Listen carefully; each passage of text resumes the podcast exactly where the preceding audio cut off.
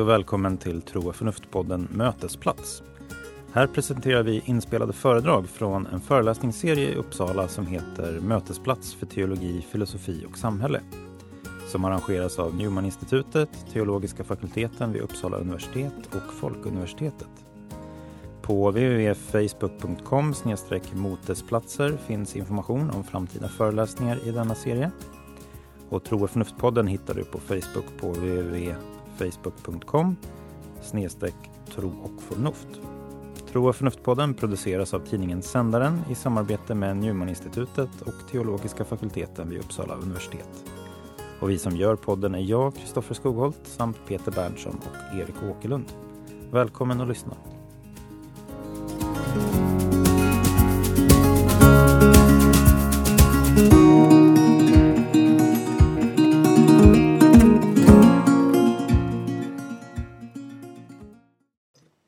Idag får vi lyssna till Martin Salén som är docent i astronomi och verksam som forskare vid Uppsala universitet. Han kommer att prata under rubriken Universums ursprung, filosofi, mytologi och kosmologi. Så varmt välkommen att lyssna. Ja, eh, jag kan ju bara säga några korta ord om vem jag är. Jag är forskare i eh, astronomi och eh, kosmologi är lite mer precis det jag håller på med. Och har även även en, ett intresse för eh, det mer filosofiska och teologiska aspekter på kosmologi så att eh, det jag kommer att prata om idag kommer att anknyta också till det eh, då, och utgå från den här artikeln som eh, Kristoffer nämnde. Eh, och då tänkte jag att jag ska se om jag kan dela mina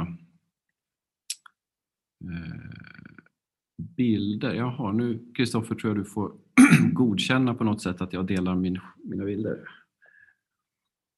Det står att jag måste få godkännande. Okej, okay, då ska vi se. Vi gör ett försök. Så, nu tror jag den syns.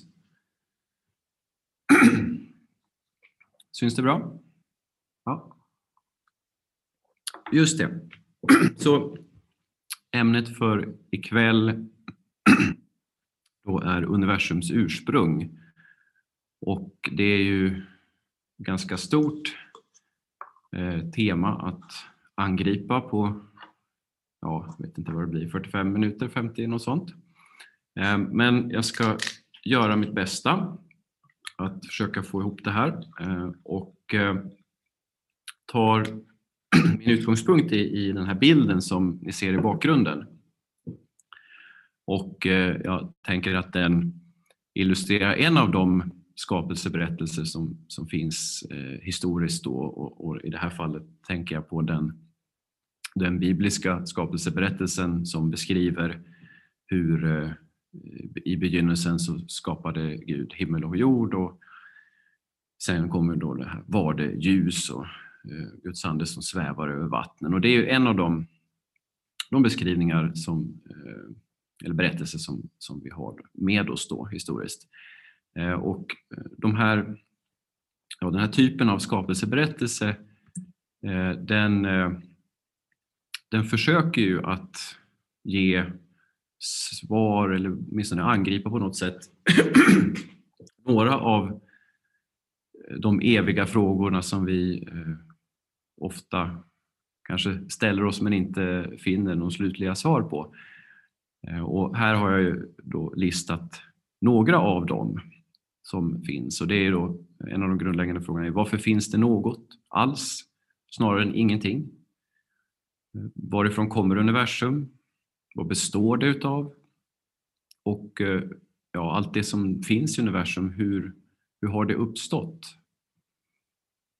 Och min målsättning idag är att belysa de här ur ett eh, lite historiskt perspektiv och också säga någonting om vad vår eh, kosmologiska kunskap, vetenskap idag kan säga om de här frågorna. Eh, då ska vi se. Och, eh, om vi tittar historiskt på skapelseberättelser så är den första kända nedtecknade skapelseberättelse som vi känner till, eh, den babylonska eh, Enuma Elish som den brukar kallas. Eh, som, ja, namnet kommer av i början på, på texten som är i, i begynnelsen långt där uppe ungefär så. så ja, och så fortsätter berättelsen. Eh, och eh, i den här berättelsen så får vi då eh, veta att det ursprungliga sötvattnet Apsu och det ursprungliga saltvattnet Tiamat och, och dimmolnen eller ångan eh, Mummu, de blandas samman och ut, utav det så uppstår de första eh, gudarna kan man säga. Och eh, ja, sen beskrivs det på olika sätt hur de här gudarna förenas och ger upphov till avkommor och de strider och, och på, på, på, den vägen så ordnas naturen, världen eh, i, i den berättelsen. Och, och, på den här bilden som ni ser då så ser man hur den centrala guden Marduk strider med den här Eh, saltvattensguden Tiamat och eh, så småningom besegrar Tiamat och det är deras centrala myt kan man säga. Marduk är ju ganska lik Oden eller Zeus till exempel. Det är, det är samma, typ av, samma typ av gud. Så det, det, är den första kända eh, berättelsen som vi har och den, den härstammar från, ja, tror man, någonstans runt 1100 till 1700 f.Kr. Tittar vi sen på vår fornnordiska mytologi så, så beskriver, man, beskriver den då eh, det som kallas Ginnungagap. Ett, eh, ja, en ursprunglig eh, intighet eh, som, som då finns före världen blev till. Och sen i den här intigheten så, ja, en, en tolkning då av namnet Ginnungagap, vad det betyder, det är det är att eh, ja, gap, det står då för någon, ett gap, någon slags stor, stor tomrum. Ehm, men Ginnunga tror man då kanske betyder att det är någonting magiskt laddat, ungefär något sånt. Och, eh, så att, så att idén kan vara då att det är ett magiskt laddat tomrum som på något sätt i det tomrum så uppstår det någon slags polaritet där två land bildas Nifelhem och Muspelhem och eh, ja, islandet och, och, eldlandet kan man säga. Och, och eh, eldslandets värme smälter isen som sen då ger upphov till eh, den här urjätten Ymer och, och kon Audumbla och, ja, och så vidare. Eh, så det, det, är en eh, beskrivning som en berättelse som vi har då i vår nordiska eh, mytologiska tradition. Ehm, och den kommer vi att återkomma lite grann till eh, lite längre fram. Eh, ser vi på den västerländska filosofin och, på lite mer, ska man säga, lite mera metodis, ja, metodiska kan vi kalla det, eller rationella försök att beskriva eh, universum, struktur, hur världen kan ha blivit till, så, så eh, en bra, tycker jag ett bra ställe att börja är, Parmenides som levde omkring 500 f.Kr. Han eh, levde i Storgrekland, i, på ja, Italiens sydkust idag. Då. Och eh, han brukar anses vara den första som, ja, inom västerländsk filosofi, som angrep eh, metafysik och ontologi. Metafysik handlar ju om eh, ja, eh, att beskriva hur världen är, hur den är uppbyggd bortom fysiken, alltså saker som går bortom det vi eh, kan beskriva med hjälp av fysik. Nu, nu såg man kanske på det på ett lite annat sätt då, men, men hur vi använder ordet idag så betyder det någonting sånt. Ontologi handlar om eh, läran om hur världen är beskaffad, alltså inte hur den skulle kunna vara beskaffad till exempel, utan, eller, eller vad, vad, kan vi veta om världen, utan hur faktiskt det är. Ehm, och eh, han var även en av eh, de som man brukar anse var först med någonting som liknar den så kallad hypotetisk deduktiva metoden. Och det är ett kanske lite långt och besvärligt ord, men, men det det betyder är då egentligen den metod som vi Eh, idag har vidareutvecklat till modern vetenskap kan man säga. Tanken att man ställer upp en hypotes om hur världen är. Sen kan man då dra slutsatser av, okej, okay, om det är så, vad borde vi då se om vi gör något, något visst experiment? Och sen så kollar man, okej, okay, stämmer det här överens med det vi observerar? Ehm, så han, han är en central figur på, på många sätt.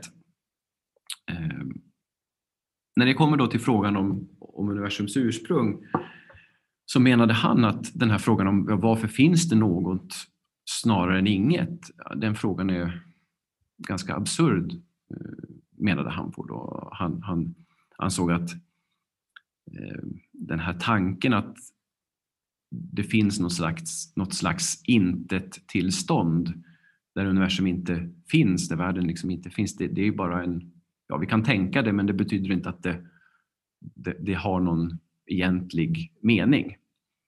Eh, och efter honom så brukar man, man brukar åtminstone tillskriva honom det här uttrycket på latin ex nihilo nihil fit, det vill säga inget kommer ur intet. Man måste ha någonting för att få någonting eh, ur det så att säga. Eh, så det, det, det är då en syn på det här inom den grekiska filosofin. Men eh, går vi vidare lite senare till runt omkring år, eh, ja, år 384 till 322 då, i det här fallet, då Aristoteles levde så var inte han nöjd med den eh, typen av eh, förklaring eller den typen av argumentation. Utan han menade att han var ju då, en, en del av hans filosofi var ju väldigt eh, centrerad på tanken om orsaker och verkan. Och han menade på att alla de rörelser som vi har i världen, saker vi ser, de, de måste ju ha något ursprung.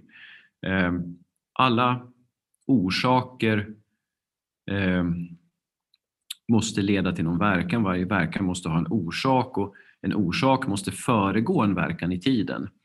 Och sätter man ihop det där då så menade han på att liksom, någonstans långt tillbaka i tiden så måste det ha funnits då i så fall någon första orsak. Och den kan inte ha varit orsak, orsakad av någon verkan för då skulle man ju bara kunna fortsätta bakåt. Utan det måste ha varit någon slags icke-orsakad orsak, eh, argumenterade han för.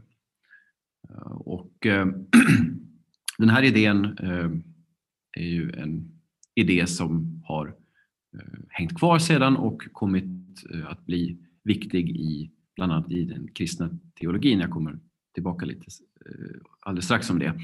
En annan sak som var alldeles central i den aristoteliska världsbilden var tanken på att det finns en oföränderlig himmelssfär bortom liksom månen. Då. Man, man hade synen att ja, bortom månen fanns fixstjärnorna och den himmelska eviga eh, sfären, världen, där, där allting var evigt. Eh, och, och, den är, var ju en väldigt eh, central och dominerande idé länge. Eh, och det kommer vi att prata mer om också. Ser vi då på den kristna teologin, för jag tänkte komma in lite grann på teologi också, så, så har vi en av de centrala eh, tidiga teologerna eh, inom den kristna traditionen är ju då Augustinus som levde eh, mellan 354 och 430 efter Kristus. Och han var inte den första men kanske den som mest utvecklade och, och skrev om eh, begreppet creatio, creatio ex nihilo eh, det vill säga en skapelse ur intet. Där man då tänker sig att ja, världen, universum på något sätt ja, bli, blir till eh, ur, ing, ur intet. Alltså, det finns någon slags existens i evigheten ur vilken Gud eh, manar fram universum så att säga. Eh, och, och, centralt i den här idén också är att då finns det också en begynnelse för tiden. Tiden har en början. Eh, vilket eh, kanske inte är en självklar tanke. Thomas av Aquino eh, är väl kanske den som allra mest eh, har integrerat den grekiska filosofin. Det här var ju ett, som ett, ett stort projekt igen som pågick länge, att integrera den klassiska grekiska filosofin med en kristen teologi. Och för honom så blev det naturligt då att eh, sätta Gud som den här första orsaken eh, som Aristoteles också då pratade om. Och eh, han beskriver då en syn på universum som, med Gud som en första orsak men, men också där Gud kontinuerligt, kontinuerligt är med och skapar universum samtidigt som universum är evigt. Då. Det finns, finns ingen eh, slutpunkt eh, på så sätt. Eh, och eh, det eh, var ju, ja, man kan säga han, han var väl en av de absolut centrala filosoferna, teologerna som då la grunden för den här integreringen av den aristoteliska världsbilden med den eh kristna teologin. Och, ja, det finns även den neoplatonska eh, filosofin, men det behöver vi inte gå in närmare på. Mm, men om vi ser då lite framåt i tiden så kommer vi in då på eh, renässansen och här ser vi vad man kan använda för att eh, liksom symbolisera högrenässansens höjdpunkt i någon mening. Här ser vi den här berömda målningen av skolan i Aten eh, av Rafael. Och den här finns då målad, beställdes av, Eh, jag minns inte vilken påve det var nu, men eh, det finns ju då i en av byggnaderna i Vatikanen. Och här kan vi verkligen se hur oerhört central för den kristna eh, världsbilden som Aristoteles och Platon är, det är de här två figurerna som, som vi ser då i mitten av bilden. Eh, Platon till vänster och Aristoteles till höger. Och sen ser vi även andra grekiska filosofer på lite olika ställen här i bilden. Eh, Sokrates och Diogenes till exempel. Ehm, så att det, det var ju en verkligen ehm, central del av världsbilden, ehm, just föreningen mellan de här två idévärldarna kan vi väl säga. Eh, ja, 1511 så slutfördes då det här verket och eh, eh, en av de allra eh, centrala delarna som, som blev en del av den kristna tankevärlden och det var just också den här eviga eh, himmelsfären, oföränderliga himmelsfären som fanns då bortom månen. Ehm, så det, det, var ju en, den världsbild som, som man levde med då. Eh, den fick, kan vi säga, ett ganska rejält eh, eh ja, eh, skott, eller vad man ska kalla det, ehm, eh, en rejäl smäll dock inte så långt efter den här målningen färdigställdes och det skedde här. Och då tänkte jag faktiskt ställa en fråga om det är, är det någon som vet var det här är? Det här, om vi ska vara lite, ja, hårdra lite så kan vi säga det här är platsen där den aristoteliska världsbilden eh, fick sin eh, ja, slutliga smäll. Är det någon som vill eh, dra till med en gissning? Danmark. Danmark fick vi ett förslag. Ja, det beror på, beror på hur man ser på saken, kan jag säga då. ja. Um, ja, eh, det här, jag kan säga vad det här är. Det här är Herrevods klosters slott. Uh, och uh, Eh, det, om vi då tittar var det ligger, så ligger det här. Det ligger strax utanför Ljungbyhed i ja, Sverige nu i alla fall. Men då var det, var det väl Danmark fortfarande när, när vi pratar om. Eh, och det ska jag förklara lite närmare. Det här är borggården på Herrevadsklosters slott och eh, det var så att eh, 1572 en stjärnklar kväll så var en man ute och gick på den här borggården. Mannen i fråga eh, var och besökte sin släkting som ägde slottet. Släktingen hette Sten Brahe och mannen i fråga hette Tycho Brahe. Och det som hände var att han fick se en helt ny stjärna, väldigt ljusstark stjärna på, den, eh, på natthimlen. Eh, och det här kanske ni nu känner igen. Och här, om vi växlar bild, så visar jag också här en bild på eh, hur slottet kanske närmare såg ut då. Eh, slottet som ni såg där var från 1745. Det här är en bild på hur det såg ut 1680. Eh, men som sagt, 1572 var det som det skedde. Ja, vad hände? Jo, Tycho Brahe eh, såg en supernova vet vi nu idag att det var. Och eh, det är då en, en stjärna som exploderar. Och han kunde då med hjälp av att observera den här visa att den här måste ligga bortom månen. Det, det var väldigt tydligt eh, och det var ju väldigt konstigt men han menade och skrev, han skrev då en bok eh, om detta, inte allt för lång men han skrev en bok. Ni ser en bild från boken här och där ser ni den nya stjärnan då, eh, som har beteckningen I. Eh, Nova Stella, den nya stjärnan. Eh, och eh, ja, i den aristoteliska världsbilden så, så, skulle ju inte det här vara möjligt. Bortom månen så fanns ju fixstjärnorna som var eviga. Eh, och, och det här ledde ju till hans publikation av den här boken, det ledde ju till en del debatt fram och tillbaka. Men, men Brahe fortsatte ju med astronomi och blev mycket känd och det här får man väl säga är någon slags eh, gräns för när, när vi såg man att eh, Eh, den aristoteliska världsbilden var faktiskt inte, inte helt sann i alla fall. Eh, sen kan vi bara, kan jag bara liksom kommentera också. Alltså, den här mannen, Brahe, måste ha varit en riktig tur eh, tur, ja, alltså haft enorm tur. Han såg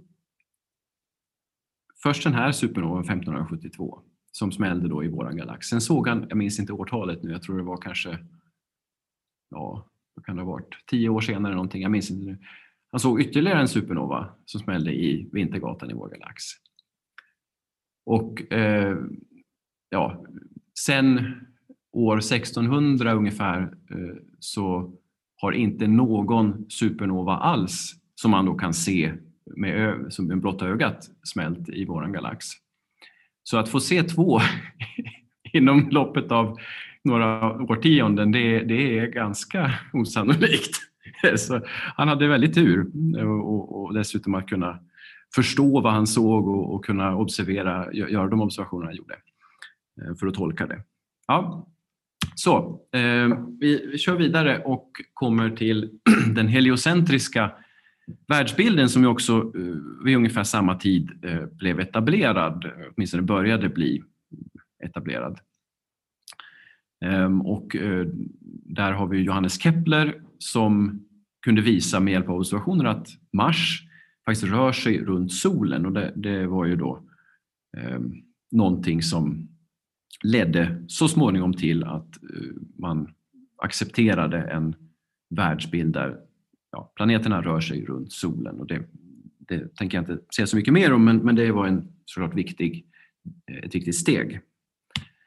Eh, vart är vi nu på väg med den här äh, diskussionen? Ja, eh, vi kommer ju då så småningom till kosmologi och, och det, det, som jag försöker illustrera här är, är hur världsbilden har steg för steg eh, förändrats från den här äh, aristoteliska äh, världen och, och som är ganska, i våra med moderna ögon sett, ganska begränsad.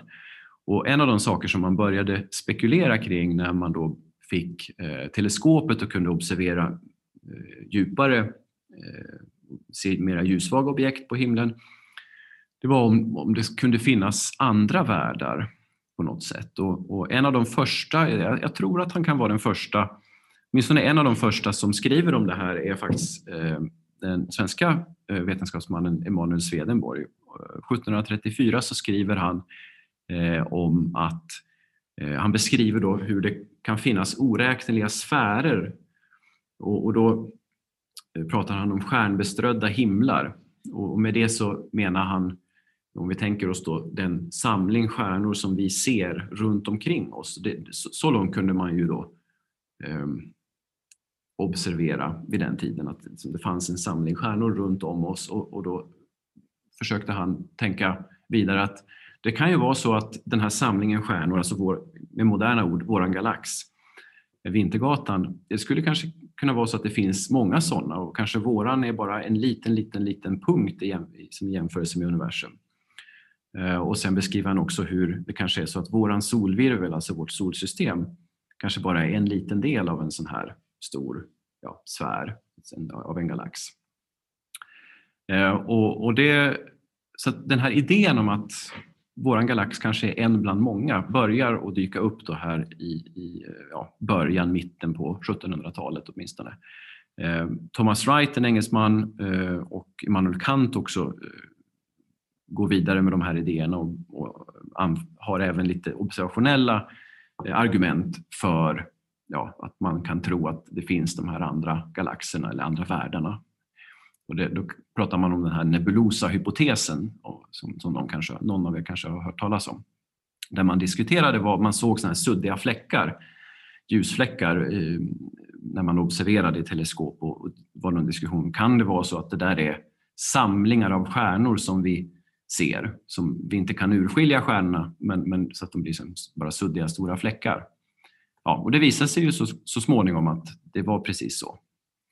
Eh, ja, så att den här utvecklingen i världsbild och i den, den observationella förmågan och kunskapen har då lett fram till möjligheten att göra eh, att eh, närma sig frågan om universums helhet på ett vetenskapligt sätt. Och kosmologi då som är det som jag själv eh, ägnar mig åt kan man säga i, i, i väldigt allmänna termer så är det läran om hur världen är ordnad i, i, i sin helhet. Sen kan man dela upp det där lite grann eh, och, och i, i den vetenskapliga delen av kosmologi så kan man ju dels prata om observationell kosmologi där vi då använder astronomiska observationer av universum eh, bortom Vintergatan. Så vi tittar alltså på hur universum ser ut utanför vår galax och, och studerar då hur galaxer, många gånger handlar det om att studera hur galaxer eller, eller andra objekt är fördelade på väldigt stora skalor i universum. Och sen kan vi prata om den fysikaliska kosmologin och då handlar det om att eh, med, med hjälp också av observationer eh, ge beskrivningar, modeller för universums ursprung, övergripande utveckling, storskaliga struktur, beståndsdelar med hjälp av fysikmodeller, fysikbeskrivningar av, av hur det här fungerar. En ganska central del i, eh, i, inom, i kosmologin eh, som man måste förhålla sig till det är att vi har flera olika horisonter eh, som, som, ja, som finns där. Och en horisont det är ju, en horisont är ju någonting som man inte kan se bortom. Eh, och eh, dels, det mest grundläggande vi har det är en, en eh, horisont som har att göra med att vi befinner oss på den här planeten i det här solsystemet. Vi lever nu och här i universum. Vi lever inte långt borta någon annanstans eller långt tidigare. Eh, och när vi då observerar universum så gör vi det genom att ljus färdas till oss långt bort ifrån. Och det här ljuset har färdats till oss under någon viss tidsperiod. Ljuset har en, eh, en maximal konstant hastighet så det kan inte färdas snabbare än, än eh, ja, en viss hastighet. Som, som innebär att ja, vi, vi, det finns en gräns för hur långt bort vi kan se i princip. Eh, det ljus som når oss nu har färdats till oss eh, ja, en viss tidsperiod. Då. Eh, och, och det innebär också att när vi ser ut i universum, när vi observerar, så ser vi också tillbaka i tiden. Och många gånger så handlar det om, då kan det handla om miljarder år som det här ljuset färdas innan vi observerar det här. Och, så det här, det här ger oss en, en eh, begränsning å ena sidan i att det finns en gräns för hur eh, långt ut i universum vi kan se. Därför det finns en gräns för hur, hur långt bort eh, till, hur stora avstånd ljuset kan nås ifrån. Eh, men samtidigt så är det också någonting som ger oss möjligheten att se tillbaka i tiden och observera universums historia. Eftersom ja, ju längre ut vi tittar, ju längre tillbaka i tiden tittar vi också samtidigt. Ehm, sen har vi en horisont som har med energi eller temperatur att göra. Och, det handlar, här handlar det mer om eh, hur vi ska förstå fysiken. Ehm, om vi går nu, nu, går jag lite grann händelserna i förväg, men om vi går väldigt långt tillbaka i tid, eh, tiden då, så kan vi se att universum måste ha varit väldigt, väldigt tätt och väldigt, väldigt hett. Energin var enormt hög. Och eh, om vi då ska beskriva fysiken som pågår där så kan vi ju inte göra det genom att åka dit och titta. Det är helt, ja, det säger sig självt vi kan inte resa i tiden och vi kan inte resa så långt bort heller. Eh, så vi måste bygga det på liksom den, i någon mån på den fysik vi kan testa här där vi befinner oss. Och ofta handlar det om att testa partikelfysik i stora partikelacceleratorer. Men det finns ju en gräns för hur stora och hur, hur, hur kraftfulla sådana eh, acceleratorer man kan bygga och hur, hur högenergetiska experiment man kan göra. Så där finns det också en gräns för vad vi kan säkert säga med hjälp av eh, exper eh, fysikaliska experiment. Och sen har vi en, också en, en annan begränsning, vilket är att eh, vi har bara ett universum. Och om vi skulle vilja testa ja, någon, någon teori, någon idé om ja, men universum eh, blev till så här, eller universum eh, har de här egenskaperna därför att eh, ja, vi har någon ratt som vi kan eh, skruva på så skruvar vi på den så här så då ja, skulle universum se ut så, skruvar vi på den på något annat sätt så skulle det bli något annat. Ja, det där kan vi ju inte riktigt testa för vi kan ju inte generera och skapa nya universa och liksom skruva på den där ratten och se vad som händer eh, och, och sen jämföra med vårt universum. Så det är också en eh, teoretisk begränsning som vi har i, i hur vi kan tolka eh, observationer och vilken kunskap vi kan få. Ja. Eh, men det som vi har eh, nått fram till då eh, med, med hjälp av dels den här utvecklingen historiskt och sedan med hjälp av då eh, moderna observationstekniker och, och, nya teorier som utvecklades så, så på, i början då av 1900-talet så kan man säga att den moderna kosmologin tog fart. Särskilt eh, finns ja, e- ett årtal då är 1920 då den så kallade Shapley-Curtis-debatten ägde rum, the Great Debate.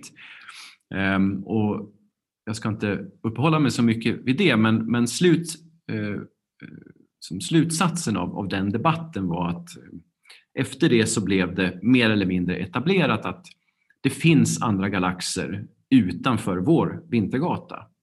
Universum är enormt mycket större än bara vår liksom, lilla Eh, lokala eh, stjärnsamling så att säga.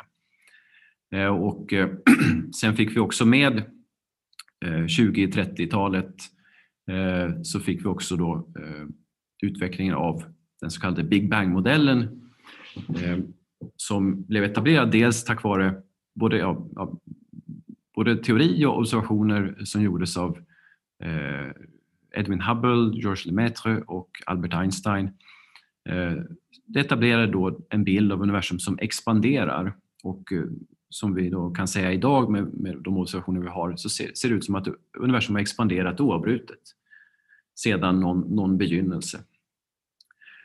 Eh, sen så kan vi gå vidare till eh, observationer av den så kallade kosmiska bakgrundsstrålningen som gjordes av Penzias och Wilson och senare också av Mather och Smoot.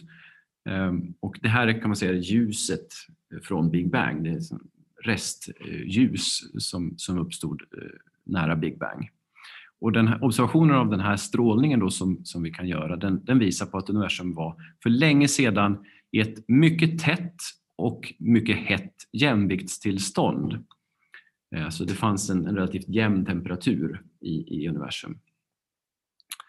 Eh, man kan också se att universum tycks vara väldigt likformigt på stora skalor och att det har utvecklats kontinuerligt från en mycket likformig struktur och fördelning då, till en mycket komplex struktur idag. Det är väl de, kanske de centrala eh, aspekterna av den modellen som jag vill eh, fästa eh, vikt vid.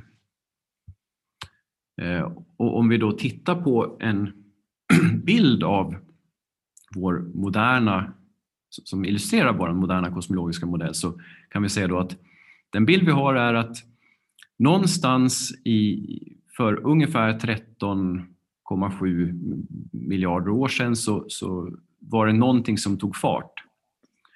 Eh, och eh, det tycks då som att eh, någonstans där så var det kvantmekaniska fluktuationer som blåstes upp av en väldigt hastig expansion i universum. Och de här fluktuationerna blev sedan frön som växte tack vare då gravitationen som gjorde att materien, man hade då lite mer och lite mindre materia eh, utspritt i universum på olika platser och det, där det fanns lite mer materia så sög det till sig ytterligare lite materia och så växte de här över tiden. Ehm, jag ska förklara också lite närmare det här med kvantmekaniska fluktuationer. Det är så att vid väldigt höga energier eh, så ehm, upphör kan vi säga ehm, materien att bete sig på det enkla sätt som vi upplever i vardagen där, där liksom, ja, så en boll är en boll eh, ungefär. Där, eh, vid sådana energier där, där vi har en kvantmekanik som, som blir viktig där är en boll inte bara en boll utan det är både ja, en boll och en våg så att säga, brukar man prata om. Eh, och, och materien beskrivs egentligen bättre av eh, en vågfunktion, en, en beskrivning av sannolikheten för var ehm, eh, sannolikheten för, för var det är sannolikt att finna den här, det här objektet, en partikel eller en boll, om vi pratar om en boll. Ehm, och I den här kvantmekaniska Eh, Eh, ett kvantmekaniskt tillstånd vid väldigt hög energi så finns det också då slumpmässiga variationer, fluktuationer i, eh, i det här fallet i, i energi kan vi säga. Eh, och det som man tänker sig händer då det är att de här fluktuationerna när universum väldigt hastigt expanderar tidigt så fryser de liksom fast och blir kvar.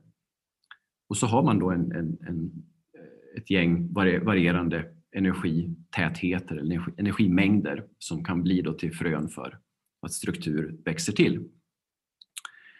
Ja, så om vi tittar då på den här bilden, vi, bör, vi fortsätter från vänster då, eh, så ser, ser ni att det står där Afterglow Light Pattern 380 000 år.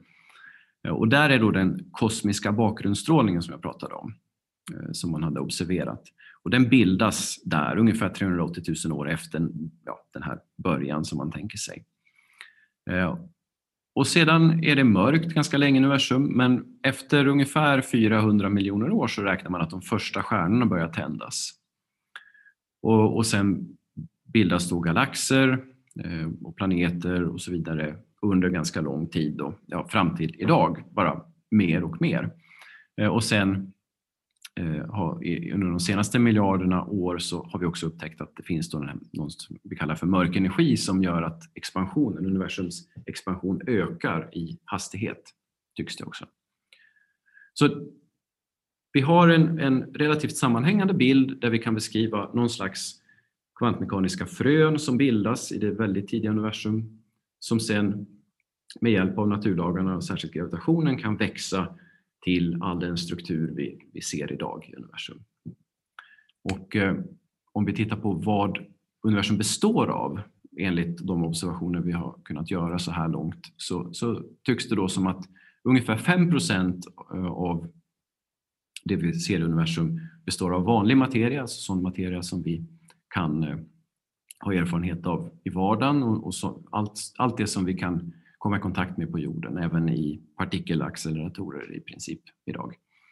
Ungefär 25 procent utgörs av så kallad mörk materia, som är materia som beter sig i stort sett som eh, materia vi känner till annars, men som inte, har, som inte går att se. Den interagerar bara, den har, vi ska säga lite annorlunda, den, den har bara en vikt, en, en, en massa. Så den är, har bara en gravitationell effekt. Den har ingen annan effekt. Och sen har vi den mörka energin som är någonting som då får universum att idag börja accelerera i sin expansion. Och eh, jag tänkte visa en liten eh, film då bara för att illustrera att med hjälp av då den, den standardmodell vi har i kosmologin eh, kunnat utveckla då med hjälp av observationer och med hjälp av fysik eh, så kan vi göra väldigt idag avancerade simuleringar av hur universum startar och utvecklas.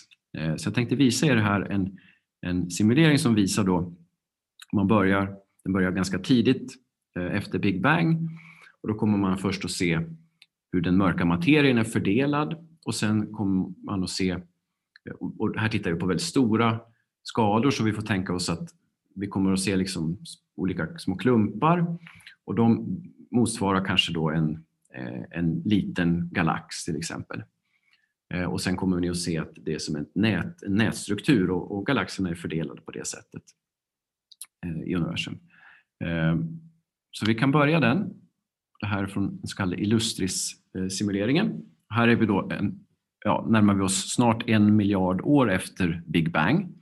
Och här ser ni då hur den mörka materien är fördelad. Och det här att, vi snur, att det snurrar runt nu det är bara för att eh, möjliggöra för er att, att se samma sak från olika synvinklar. Så det, det, är inte något väsentligt just den här rörelsen utan det är bara för att det är lättare man ska kunna se från olika håll. Men då ser ni här eh, en svagt begynnande åtminstone nätstruktur som bildas. Så här, här ser vi då hur några, åtminstone några större mörk materiesamlingar har formats och, och utgör galaxer. Nu ändras bilden lite här och då ser vi istället för bara den mörka materien så ser vi också eh, gas eh, som finns också runt den mörka materien och den temperatur som gasen har. Och, och så kan ni se att det bildas stjärnor i de här galaxerna och även eh, ser ni någon slags explosioner och det är då supernovor typiskt som exploderar döende stjärnor som sprider runt gas runt om. Um, och eh, den här eh, utvecklingen fortgår ju då under eh, lång tid. Nu är vi snart 7 miljarder år efter Big Bang. Vi kommer att fortsätta att få se det här och nu är vi ganska mitt i den tidpunkt, ja nu har vi precis passerat kanske den, den tidpunkt då det är som allra mest stjärnbildning i universum. Nu, nu går det ner i en lite mer Eh, Eh, stillsam fas och det vi ser nu, eh, nu har bilden växlat igen, det vi ser nu är metalliciteten som det kallas, ah, hur mycket metaller det finns eh, i de här gasmolnen och i, i galaxerna. Och det är så att alla de, i princip alla, nästan alla de metaller som vi har runt omkring oss, de bildas i de här supernova-explosionerna och sprids sen runt universum. Nu ser vi återigen den, bara den mörka materien och nu kan vi se att de här eh, eh klumparna har blivit mycket större och drar sig till varandra eh, och eh, bildar större och större galaxer och galaxhopar. Och så är vi då vid 13,8 miljarder år, där vi, vilket är idag. Så då stannar vi där och här ser ni några av dem som har gjort den här simuleringen. Så det, det är en illustration av just vad vi, är, vad, vad, vi kan göra med den vetenskapliga förståelse vi har idag. Och de här simuleringarna eh, stämmer eh, väldigt väl med det vi kan observera, eh, får man säga också då. Ja, eh, Så om vi då närmar oss de här frågorna som, som jag nämnde i början, de eviga frågorna om, om, om vad vi kan säga om universums ursprung. Ja, som till exempel, fanns det någon slags skapelse? Blev universum till i någon mening? Ja, det, det man kan säga åtminstone det är väl att eh, de observationer vi har de visar att universum tycks ha expanderat stadigt över tid. Så, så bakåt i tiden var universum tätare och tätare, hetare och hetare och även mer och mer likformigt. Med likformigt menar jag då att hur materien var fördelad var mycket mer homogent och utsmetat. Det fanns inga stora klumpar av materia ihopsamlade. Utan det var bara ganska små variationer. Och om vi då har, gör så att vi använder den här standardmodellen vi har och liksom går med hjälp av den räknar oss bakåt i tiden, då, då blir det så att vid, vid någon tidpunkt, när vi kommer liksom bakåt, så blir universum punktlikt, eh, kan man säga. Eller med ett annat ord, en, en singularitet. Och då kan man ju ställa sig den frågan. Är det då så att det här visar att den här grekisk-kristna beskrivningen som jag har berättat om, att ja, idén om en skapelse ur intet, alltså från någon slags punkt, ehm, och idén om en, en början på tiden, visar då det här att den i grunden stämmer? Ja, det, man skulle kunna, man skulle kunna dra en sån slutsats kanske. Ehm, men det vi får tänka på då det är att när vi kommer nära den här så kallade singulariteten, alltså den här punkten, så är det också så att vår, vår nuvarande standardmodell som vi har i kosmologin, den blir otillförlitlig. Och det är också sannolikt att den kan, att den kan vara missvisande. Ehm, och det hänger samman med den här eh, energihorisonten som jag nämnde. Alltså det, finns en gräns eh, bland annat för, för vad vi kan, vilka energier vi kan testa här på, på jorden så att säga. Ehm, och det hänger också samman med att eh, vi helt enkelt inte har en, en, en, en teori som vi säkert vet fungerar bra när man kommer till tillräckligt höga energier, vilket man gör då innan man kommer till den här singulariteten. Ja, så då kan vi ju ställa frågan då, ja, men om det är så då kanske fysik egentligen inte har någonting att säga om det här alls. Den kanske inte är användbar. Ja, så kan det vara, kanske. Ehm, men det finns i alla fall en... Det finns olika idéer, men jag tänkte nämna en idé som har förekommit eh, ganska vanligt i ja, olika eh, medier och den, den blivit ganska populariserad i alla fall. Och, och, det är en idé som bland annat Stephen Hawking och Leonard Mlodinov beskriver i sin bok Den stora planen eh, från 2010. Och då skriver de i den boken så här på engelska. Because there is a law such as gravity, the universe can and will create itself from nothing. Spontaneous creation is the reason there is something rather than nothing. Why the universe exists, why we exist. Eh, på, på svenska någonting i stil med Eh, eftersom det finns eh, en gravitationslag så både kan och kommer universum att skapa sig självt från ingenting. Spontan skapelse är anledningen till att det finns något snarare än inget. Varför universum existerar och varför vi existerar. Ja, det, var, det är ganska anspråksfulla ord, tänker jag, eh, som de, de har här. Ehm, och ehm, då tänker jag vi kan fundera lite på vad, vad, vad, kan, vad kan vi säga om den här, den här idén. Jag ska också eh, förresten, innan jag går vidare, ska jag bara lägga till att, ehm, för det framgår inte i det här citatet, idén som de har här, det är att också, och det, det, det står inte här, de, de tänker sig att det finns eh, ja, i, någon mening innan eller före, före universum liksom blir till så finns det någon slags kvantmekaniskt vakuumtillstånd. Jag återknyter till det jag pratade om kvantmekanik tidigare, där det finns liksom fluktuationer som, som ja, varierar hela tiden. Ehm, de tänker sig då att anledningen till att ehm, universum uppstår är att det finns ett sånt här kvantmekaniskt vakuum och det fluktuerar där men sen så lyckas, ja, liksom, någon sån fluktuation är tillräckligt stor för att gravitationen ska kunna ta tag i den och blåsa upp den kan vi säga till, till ett universum. Ungefär så tänker de sig. Så det, det är två komponenter där som, som samverkar i deras idé. Ja, eh, vi kan ju då ställa oss frågan, vad, vad är ingenting? Vad menar man med det? Och det är tydligt för att för, för Hawking och Mlodinov i deras beskrivning så är det här ett kvantmekaniskt vakuum.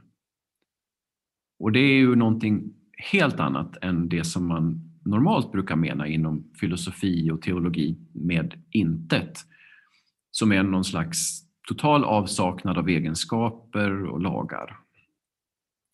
Sen kan man också ställa den frågan, varifrån kommer det här vakuumet? Varifrån kommer lagarna? Varför, varifrån, särskilt då den här gravitationslagen, var, var finns den? Hur, hur, på vilket sätt är det så att den kan existera före universum, eller åtminstone före det här universum blåses upp? Är det en någon slags evig lag som ja, finns. Ja. Så det finns absolut frågor man kan ställa om den här beskrivningen och hur, hur rimlig den är.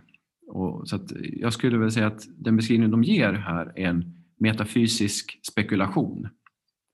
Ehm, en spekulation som går alltså bortom fysiken men som är inspirerad av känd fysik.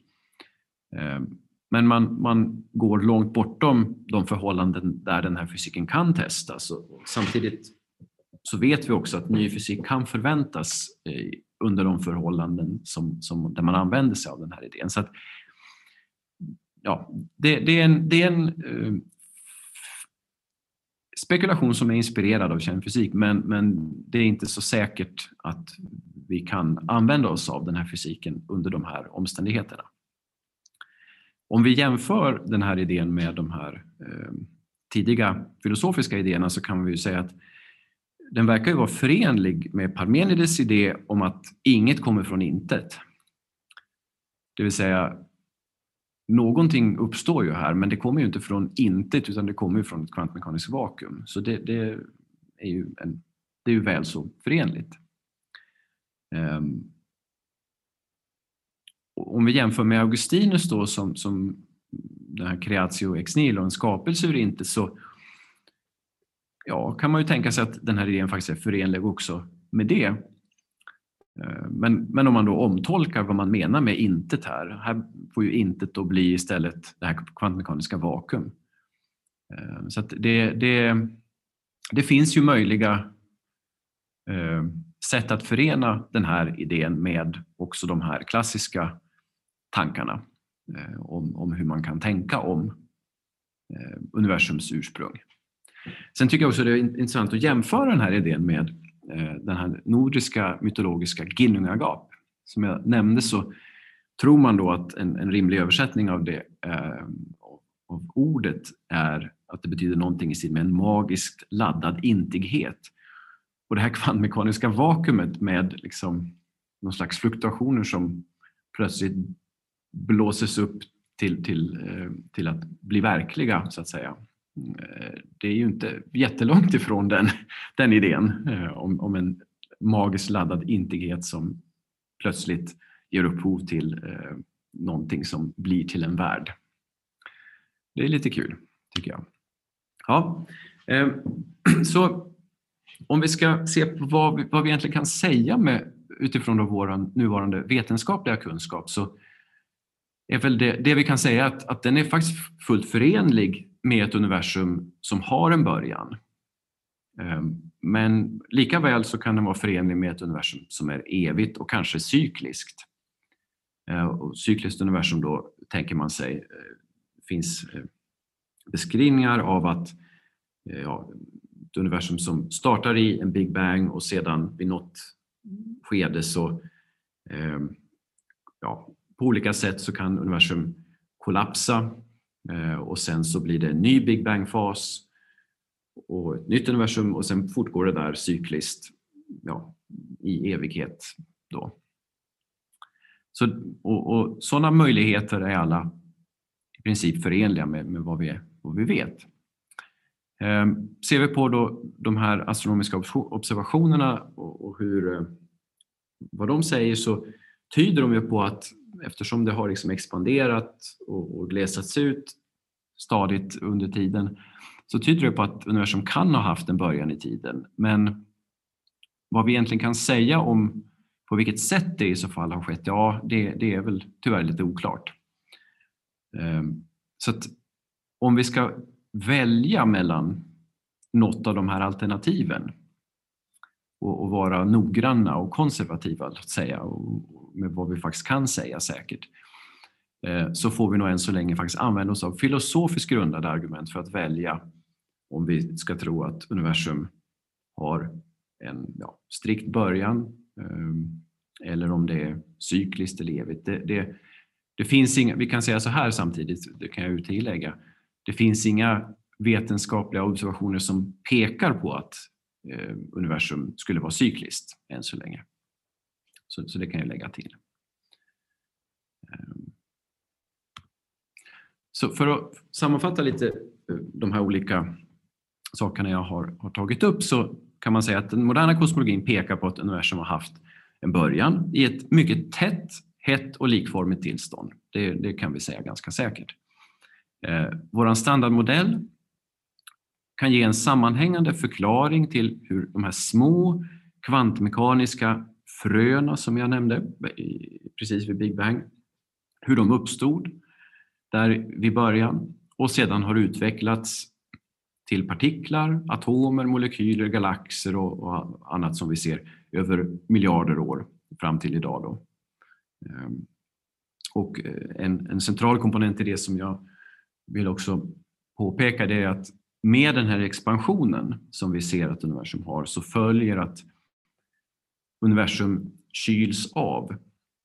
Det, det är expansionen som gör så att universum kyls av och tack vare att universum kyls av så möjliggör det här för de här olika eh, strukturerna att bildas, till exempel för atomer att eh, komma samman och bli stabila. Molekyler blir stabila för galaxer att bildas och så vidare. Så att det finns ett, ett samband mellan just expansionen och möjligheten att eh, sådana här stabila strukturer ska kunna uppstå. Ja, eh, sen kan vi då Bortsett från det här kan vi använda filosofiska argument och, och, och för att argumentera för att universum har skapats ur intet, eller ur ett kvantmekaniskt vakuum eller att det är evigt och kanske cykliskt. Det, det har vi ju sett också då att ända sedan eh, åtminstone Parmenides man har använt sådana filosofiska argument. Eh, men vi kan idag inte vetenskapligt utesluta något av de här alternativen jag har ju visat på att det finns vetenskapliga observationer som kan peka, peka i en viss riktning. Eh, men vi kan inte utesluta egentligen något av alternativen. Ehm, så det, det vi, där vi får landa tror jag det är i filosofiska argument i kombination med vetenskap. Och då är frågan, vilken är den sammantaget bästa förklaringen? Och eh, så, utifrån det skulle jag väl säga då att just Parmenides, Aristoteles, Augustinus, Thomas av Aquinas som jag då har nämnt, i, i, i det avseendet så är de, skulle jag säga, fortfarande relevanta eh, att förhålla sig till. Om vi ska se på vad, vad kan vi hoppas på i det här avseendet? Ehm, kan vi hoppas på att ehm, kunna lära oss något mer om det här, säga något mer om det? Ja, två saker som väl eh, är, är centrala är dels en fördjupad förståelse av hur kvantmekanik och gravitation fungerar. Och en av de stora sakerna som, som vi har i fysiken att, att försöka och, och förstå det är hur man kan förena de här två, kvantmekaniken och gravitationen i någon slags sammanhållen beskrivning. Det har vi inte idag och jag har satt in en liten bild här som beskriver ett av de möjliga eh, sätt som man skulle kunna göra det här. Det är inom den så kallade strängteorin och där tänker man sig då att, ja, om vi tittar här på den här bilden som ni har så eh, ser man då att materien ja, uppbyggda molekyler och molekylerna är uppbyggda av atomer som sen är uppbyggda av ja, kärnor, neutroner, protoner, elektroner och så vidare. Och sen är neutronerna uppbyggda av kvarkar och sen tänker man, man sig att ännu en, på, på ännu lägre nivå så finns det sträng, någon slags objekt som kallas strängar som är ja, som en liten sträng helt enkelt. Ett eh, litet gummiband eller något sånt. Ehm, och eh, med hjälp av en sån beskrivning av materiens innersta så kan man då eh, få fram eh, beskrivningar där man kan förena kvantmekanik och gravitation eh, på ett sätt som är rimligt. Men om, om de här beskrivningarna är, är, är om de här modellerna och beskrivningarna ger en rättvisande bild av verkligheten, ja, det, det, är svårt att säga idag. Och det, det, hänger bland annat samman just med det här jag har pratat om, den här energihorisonten. Att för att testa den här, den här typen av modell så måste man upp till sådana enorma energier att det är väldigt svårt helt enkelt. Ehm, man kan också tänka sig separat från det här att eh, kosmologiska observationer skulle kunna ge ett stöd för, stöd för idén om ett cykliskt universum och då finns det vissa teorier där man tänker sig att om man har ett cykliskt universum så skulle ehm, ett, föregående universum kunna lämna vissa spår i nästa generation av universum som uppstår. Som man då möjligen skulle kunna se som någon slags mönster i den kosmiska bakgrundsstrålningen. Eh, och det kan man då försöka leta efter.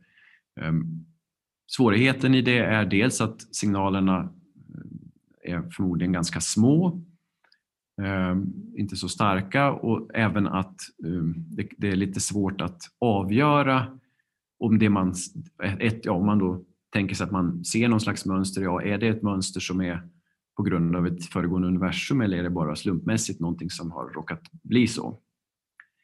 Eh, men, men där kan man tänka sig vägar framåt i alla fall.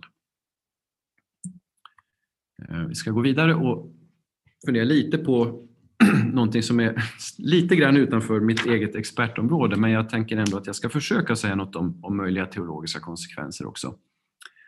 Eh, och en kanske inte jätte eh, oväntad eh, kommentar, det är väl grundkommentaren som är att ja, en, en, en bokstavlig tolkning av till exempel Bibeln inte verkar vara förenlig med modern kosmologi.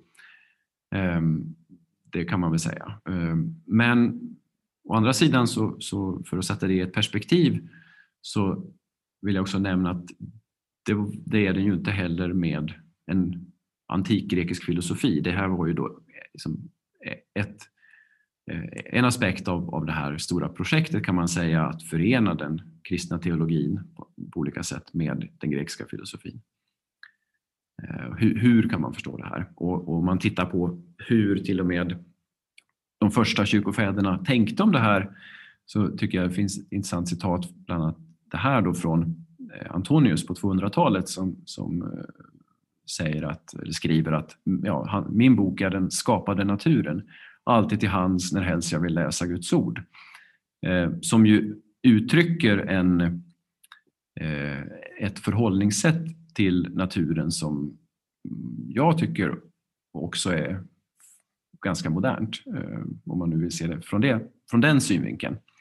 Eh, det här uttalandet gjorde han i, i relation till eh, Eh, en eh, ja, filosof som, som undrade ja, vad gjorde han när han, eh, han hur kunde han leva utan liksom, alla, alla möjliga böcker? För han levde då som eremit mer eller mindre.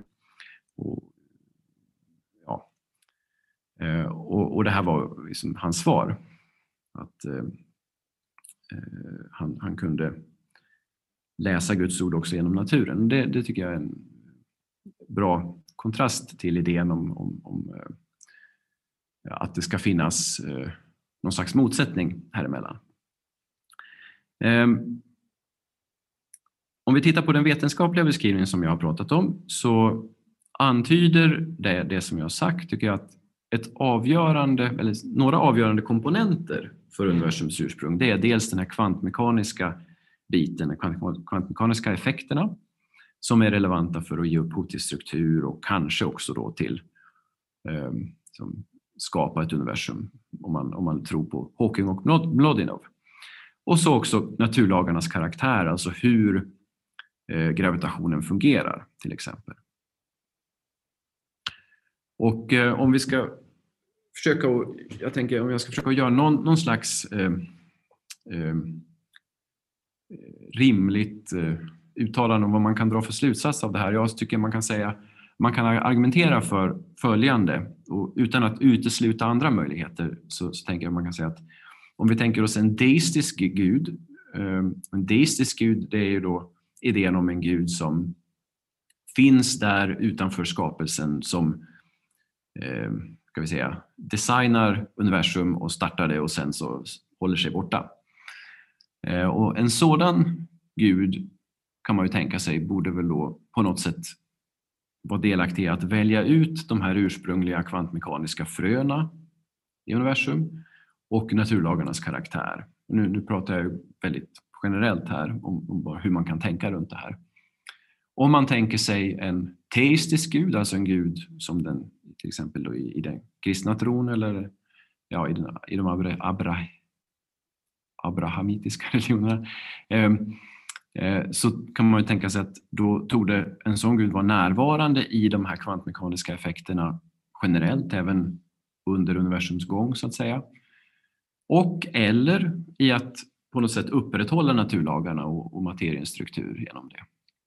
Om vi tänker oss en ateistisk världsbild ehm, så, tyck, så, så tycks, tycks det verka då som att det kräver att de här kvantmekaniska fröna som ger upphov till universum, universums struktur och, och även naturlagarnas karaktär och på något sätt måste de vara metafysiskt nödvändiga. Så det, det, skulle inte kunna vara så att de inte finns där. De måste finnas så som de finns.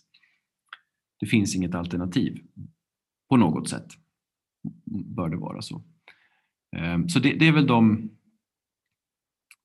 tankar som jag eh, har runt hur man kan tänka kring vad, vad, vad det här pekar på för möjligheter Eh, i fråga om ehm, grundläggande teologiska ståndpunkter.